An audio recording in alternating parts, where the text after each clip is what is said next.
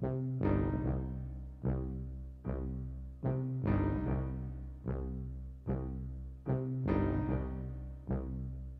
Sinds alweer bijna een jaar geleden de eerste lockdown werd aangekondigd, is de wereld drastisch veranderd. Na een aanvankelijke versoepeling in de zomer zitten we alweer midden in een volgende lockdown, compleet met avondklok. Wordt de wereld ooit weer zoals voor de pandemie? Wat doet deze tijd van restricties met ons? Hoe heeft het ons en onze wereld veranderd? Aan de hand van tien vragen die ik aan mensen uit verschillende disciplines stel, ga ik op zoek naar antwoorden. In deze aflevering spreek ik met Jacques Hoendervangers, ooit radiomaker bij Amsterdam FM, maar vooral natuurlijk managing director van Pathé. En dat betekent dat hij naast 30 andere bioscopen ook directeur is van de mooiste bioscoop ter wereld, het Tuschinski Theater. 100 jaar oud dit jaar, maar volgens Time Out Magazine is het een nooit oud geworden droompaleis. Met een elegante mix van Art Deco en Art Nouveau, met strakke modernistische accenten. Maar dat droompaleis, dat kunnen we even niet van binnen zien op dit moment. Hoe ga je daarmee om als bioscoopdirecteur? En hoe gaat de toekomst er dan uitzien? Welkom Jacques. Dankjewel. Wat een mooie inleiding. Ja, nou ja, jullie hebben het verdiend. Hè? Het is echt een uh, fantastische prestatie. Of nou ja, het is, het, is, het is ook wat mij betreft het allermooiste. Ja, en het is wel even lekker. Dat vinden, dat vinden we met z'n allen natuurlijk in Amsterdam en in Nederland. Maar het is wel even lekker in deze tijd. Uh, als je al bijna een half jaar dicht bent totaal om dan, uh, dan zo'n prijs en die erkenning te krijgen. Ja, zeker, zeker. Waar was jij trouwens toen de eerste lockdown werd aangekondigd? Dat, dat, dat weet ik nog precies. Dat was een zondag en toen was ik thuis. Maar misschien nog wel belangrijker is, is de week daarvoor en de week daarna. De week ervoor kregen wij al te horen dat wij beperkt werden in het aantal bezoekers. En dat was best een logistieke opgave. Dus wij mochten, de anderhalve meter werd ingevoerd en je mocht maar 50% van je capaciteit. Ik weet niet eens meer precies hoe het zat. En dat kregen we allemaal voor elkaar. Ik ben toen zelf op zaterdagavond nog naar een, de, de finale uitzending van Wie is de Mol geweest. In een van, een van onze bioscopen. En dat ging eigenlijk hartstikke goed. En de dag erna, want dit heeft drie of vier dagen geduurd, moesten we helemaal dicht. Uh, dus dat heb ik thuis uh, bekeken. Wat het meeste impact op mij gemaakt heeft, hè, als ik even terug, de film terugdraai, is de week erna, op 23 maart, werd gezegd tot hoe lang het ging duren. Ja. En dat was toen 1 juni. Ja, toen viel ik letterlijk van mijn stoel. En toen dacht ik ook echt van, nou, dat, dat kan niet waar zijn. Dat zeggen ze nu, zodat ze straks eerder kunnen gaan versoepelen. Maar het werd 1 juni. Ja, ja, en nog veel langer nog. En nog veel Ja. langer, inderdaad. Ja. Daarna ging Ja, het maar door. klopt. Ja, Het is echt een soort rollercoaster. Hoe, hoe verliep jouw ophokplicht? Want we moesten opeens allemaal binnen zitten. Ja, nou ja, zakelijk, eh, dat, dat, dat zul je vaker gehoord hebben. Daar ben je vrij snel aan. Eh, we, zijn natuurlijk allemaal heel snel eh, gewend geraakt aan het online Ja. vergaderen. Dus dat was eigenlijk de issue niet. Ik, ik kan me herinneren dat het, dat het vrij intensief was die eerste weken. Omdat het ook echt keihard werken was als, als, als crisismanager. Ja, en thuis, wij, ik, ik heb gelukkig een fijn huis in Amsterdam bij de Sloterplas. En we hadden ieder onze eigen kamer. Want mijn kinderen die, die moesten ook al vrij snel thuis studeren, zullen we maar even zeggen. Ja, Ehm, en ik weet nog goed dat ik, dat ik in ieder geval me voornam van, nou, die, die kinderen die gaan hier straks op terugkijken. Dit is natuurlijk een heel impactvolle periode. Ik wist toen nog niet hoe lang eh, van hun leven. Dus, dus laten we er wel voor zorgen dat ze daar op een positieve manier naartoe, eh, naar terugkijken. Dus we hebben er heel veel ehm, ja, energie in gestoken om het, om het ook echt leuk te maken thuis. En dat, dat is volgens mij in ieder geval goed gelukt. Je zou het er zelf Ja. moeten vragen, maar... eh, en wat deed je dan? Eh, knutselen? Spelletjes, knutselen, Spelletjes. koken. Ja. Ja, ja inderdaad. eh, veel met elkaar. En ehm, ondanks dat wij gelukkig de ruimte hebben om allemaal een eigen kamer te kunnen hebben, dat je elkaar juist ook opzoekt. Eh, we hebben, het was hartstikke mooi weer natuurlijk. Ja. Dus we hebben heel veel, eh, heel veel in de tuin en zo gedaan. En eh, eh, veel eten ook. Ja. Ja, kom ik later nog op. wat miste je? Eh, nou, uiteindelijk het allerbelangrijkste wat ik miste en nog steeds mis, is de ontmoetingen. Ja, Ehm, ik bedoel, dat, dat is in onze business natuurlijk. Hè. Wij, film kijken kun je ook thuis, maar de, je doet het in de bioscoop niet alleen vanwege de techniek en de mooie stoelen, maar ook omdat je het samen beleeft. En dat is ook wat mijzelf drijft. Daarom vind ik die baan Ja. ook zo geweldig. Ehm, dus, dus ik mis echt, ik, ik, ik ben redelijk uithuizig. Ik vind het heel leuk om een paar avonden per week iets te gaan doen. Maar dat is echt al heel lang niet zo.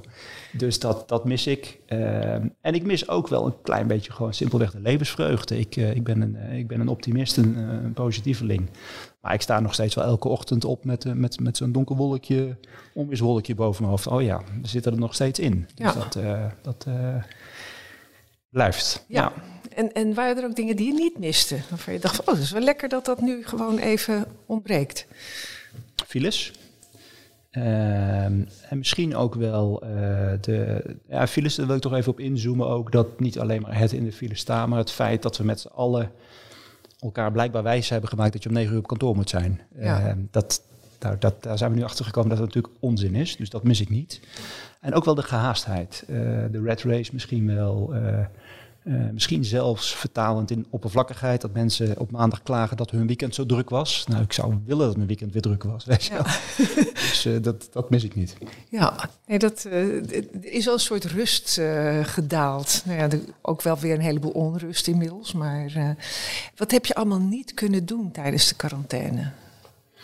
Uh, sorry, niet kunnen doen als in nou ja, zelf? Gewoon, uh, ja, zelf of uh, professioneel. Of zijn er ook dingen die je, waarvan je dacht van ja, dat vind ik nou heel vervelend dat dat nu even niet meer kan. Ja, nou ja, ik, ik, werd vorig jaar 50 en dat had ik helemaal geregisseerd. Ik zou drie feesten geven. Ik had geen zin in één feest waar iedereen bij elkaar kwam die je kan toch niet kennen en dan iedereen in zijn eigen hoekje gaat staan. Ja. Dus ik had en een feest voor de familie en een feest voor de buurt en een feest voor, wie vergeet ik, mijn vrienden niet uit de buurt. Uh, nou, die zijn alle drie nog steeds niet doorgegaan. Nee. Dus dat, uh, dat, uh, en, en, en, het is over een paar weken weer zover, want we zijn natuurlijk een jaar verder. Dus nou, nu maar eens even kijken hoe dat, hoe dat gaat uitpakken. Ik zou de laatste week van maart, staat hij, staat hij nu, een van die feesten. Nou, dat, dat gaat dus weer niet door, weten we, sinds deze week.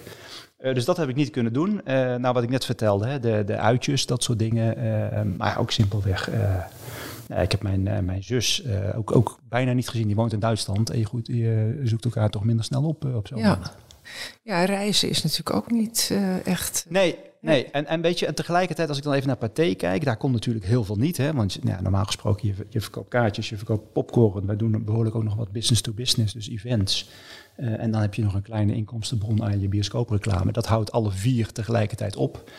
En in de periode dat er nog wel iets mochten, moet ik wel zeggen dat, dat daar echt uh, ja, de, de, creativiteit tot uiting kwam. We hebben op een gegeven moment een, uh, een drive-in bioscoop gemaakt naast de arena. Dat mocht dan weer wel. Dat deed hartstikke goed.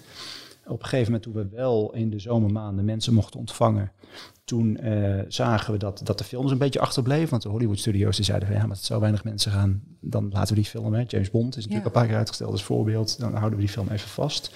En wat wij toen hebben gedaan is dat we bijvoorbeeld voetbalwedstrijden gewoon de eredivisie hebben uitgezonden. Konden mensen daar wel naartoe, want ze konden natuurlijk ook niet naar het stadion. Ja. En het is echt leuker kijken dan thuis op de bank. Um, en we hebben bijvoorbeeld wel de, we noemen dat paté privé, is dat als je toch maar zo weinig mensen in de zaal kunt hebben, dan is het eigenlijk best interessant om de hele zaal af te huren in plaats van één of twee kaartjes te kopen. Dus dan kon je met, ik heb het zelf gedaan met vrienden, met twintig uh, man had je je eigen zaal. Ja, dat is ook wel heel erg Geweldig leuk, idee. En dat zou, dat ja. zou niet ontstaan zijn zonder uh, nee. de situatie. Nee, precies. Nee, wat, wat een ontzettend leuk idee. Ik heb het even gemist, geloof ik. Maar, ja, uh, nou, we, begonnen dat net een beetje te vertellen toen dat ook al niet meer mocht. Dus oh, ja, ja, daar komen we nog wel mee terug, hoor, want dat houden we denk ik wel vast. Ja, ja, ja voor de toekomst is het misschien ook wel... Uh, Zeker. Blijft natuurlijk een leuk idee. Ja. ja. Ja, er is wel een heleboel creativiteit losgekomen natuurlijk. Ja. Door deze hele toestand. Um, ja, wat uh, heb je gedaan wat je anders nooit gedaan zou hebben? Nou, dat, dat dan, nou dit, dit soort ideeën natuurlijk, maar ik denk dat ik dan met name uh, terugkijk naar uh, hoe wij als, als directieteam zeg maar, de organisatie bij elkaar hebben gehouden. Daar, daar ben ik eigenlijk wel heel trots op. We, we hebben eigenlijk al snel drie prioriteiten aangegeven. Dat was connected blijven, zowel met onze interne mensen, onze medewerkers, als met onze frequente bezoekers. We hebben bijvoorbeeld ook abonnementhouders. Nou die hadden van de een op de andere dag, uh, konden ze niet meer, ook niet meer naar de bioscoop. Nee. Dus dan kun je zeggen van, joh, ik zeg maar abonnement op. Wij hebben gezegd, joh, vind het natuurlijk fijn als je blijft. Maar we snappen echt wel dat je nu niet de volle map betaalt. Dus eerst zijn we dat gedeeltelijk gaan compenseren met vouchers. Wij hebben een deelneming in Pathé thuis. Dus we konden op een gegeven moment zeggen, joh, ga, even lekker, ga lekker thuis naar de film kijken. Dus we kregen daar codes voor. Ja. Uh, op een gegeven moment hebben we ook gezegd van deze maand zijn we helemaal dicht. Dan slaan we ook even het, de contributie een maandje over. En we zijn in staat gebleven, niet iedereen, maar een groot gedeelte, het grootste gedeelte van die uh, abonnementhouders aan ons te blijven binden. Oh, dat vind ik wel knap. Ja, we ja. hebben ze ook mee laten praten over uh, de films die zouden komen als we weer open zouden gaan. Dat we wisten toen al, wat ik net zei, dat de, de grote blockbusters dan eventjes nog vastgehouden werden. Dus we moesten het hebben van wat ouder materiaal. En we zeiden, ja, dat kunnen we wel zelf bedenken, maar we vinden het eigenlijk veel leuker als jullie het bedenken. Ja. Co-creatie zou je het kunnen doen. Super, ja. Als je kijkt naar de verbinding met onze interne medewerkers, hebben we heel erg onze best gedaan om ze continu te updaten, maar ook heel veel te organiseren om toch betrokken te blijven.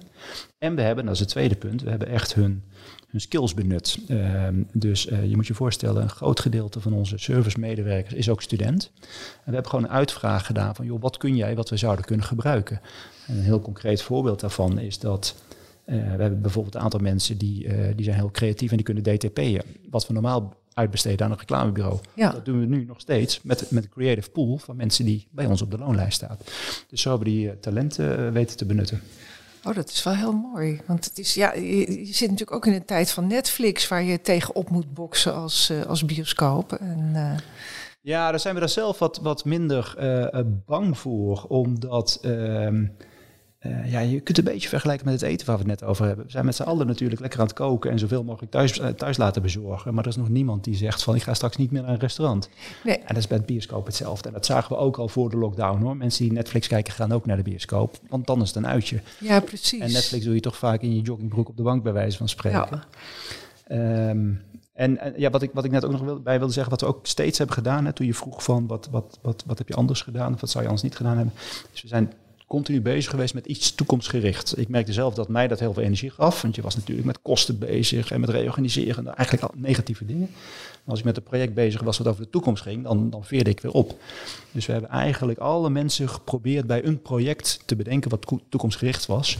Ja, en dat, dat geeft gewoon energie. En, en ook blijven geloven in die toekomst natuurlijk. Ja, nou dat lijkt me inderdaad een hele goeie. Dat je gewoon toch die stip aan de horizon blijft houden. Want ja, daar, uh, daar sla je dan op aan. Ja, absoluut. Ja. ja, dat heb je mentaal nodig. Ja, en, en ja, wat, heeft, heeft het je ook nieuwe inzichten opgeleverd? Nou, dat, dat, dat, dat zijn deze leiderschapsinzichten. ja, dat, dus, dus als je mij van als jij mij een jaar geleden mijn, mijn leiderschapsstijl had gevraagd. Nou, de stijl is misschien niet echt veranderd. Maar dan had daar, hadden daar wel degelijk een aantal van deze ingrediënten in gezeten. Ehm, maar dat die enorme nadruk op het, op het, op het perspectief bieden en het toekomstgerichte, dat heb ik echt wel van de afgelopen periode geleerd. Ja. En wat, wat het mij persoonlijk ook heeft gebracht, is relativeren. Een beetje in aansluiting op wat ik net zei, net zei van soms was het misschien wat oppervlakkig toen we het allemaal zo druk hadden en in die, eh, in die, in die race zaten. Ehm, ja, als je, als je citaten van toen terughaalt of van andere mensen of van jezelf waar je, je druk over maakt, dan denk je echt nu, hoe kon ik me er godsnaam druk over maken? Ja, meer reflectie. Ja, vind ik wel. Ja, ja. mooi is dat. Uh, hoe zag je toekomst eruit voor de lockdown en hoe is dat nu? Is dat veranderd? Of denk je van nou, met die stip aan de horizon gaan we gewoon door? Ja, persoonlijk denk ik, uh, ik denk daar wel over na, is, is mijn toekomst niet veranderd. Zakelijk uh, wel degelijk. wij zaten in, met Pathé echt in een in een hele grote uh, ja, een, bouwfase, laat ik het zo maar even zeggen. We hadden net een overname achter de rug, dus we waren echt heel hard aan het groeien. En dat geeft natuurlijk een hele mooie positieve energie. Nou, dat is voorlopig even van de baan. Uh, ja. Echt gezegd van de overnames, acquisities, dat soort dingen, uitbreidingen zijn voorlopig echt Toch maar even aan de orde.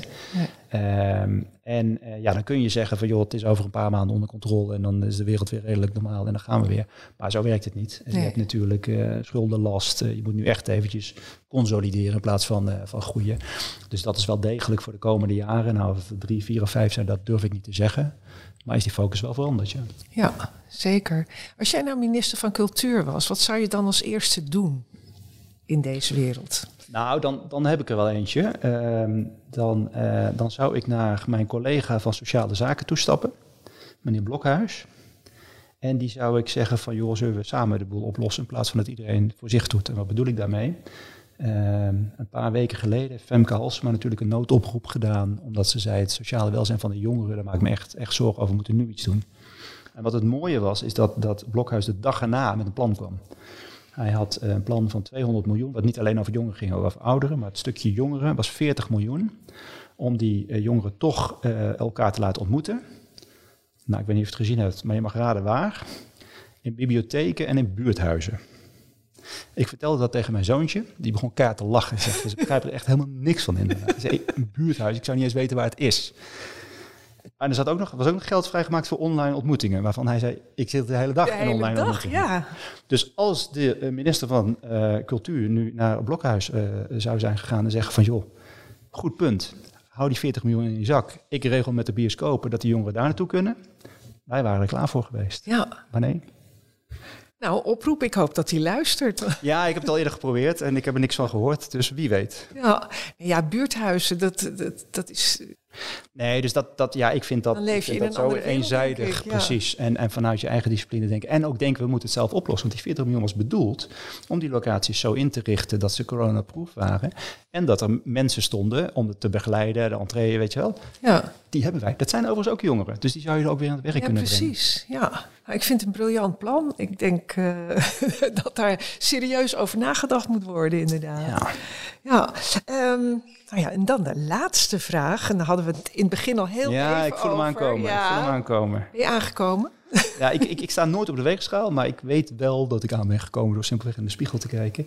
Ik heb, eh, ik heb best veel bewogen, maar minder dan, eh, dan normaal. Ik ben best bewegerig. Eh, wat ik Ja. op kantoor, wij zitten op de dertiende verdieping, vaak deed, was eh, na de lunch met een paar, eh, paar mensen eventjes de trap op en neer. Nou, dat is best intensief. Dat heb ik denk een jaar niet gedaan. Toevallig vorige week weer eventjes. Ik, ik zwem graag in de Sloterplas, maar dat begint pas in april weer. Dat is Ja. echt nog te koud. Ehm, nee, dus ik heb, ik heb minder bewogen en meer gegeten. Dus eh per saldo is er wel iets bijgekomen. ja. Nou, het weer wordt beter, dus eh, we kunnen weer meer naar buiten. Zo is het. En we zitten hier in Felix Meritus, helemaal bovenin. Ik ben gisteren met de trap omhoog gegaan. Oh, Oké, Toen wat merkte goed. ik toch dat mijn conditie inderdaad wel iets achteruit gegaan is. Blijven doen. Op een gegeven moment merk je het Ja, op een gegeven moment gaat het vanzelf. Nou, dankjewel eh Jacques Hoendevangers, managing director van Pathé... met een fantastisch plan om de jeugd samen te brengen in de bioscoop. Nou ja, hoe simpel kan het zijn? Laten we het gewoon doen. Ja, Dankjewel. vind ik ook.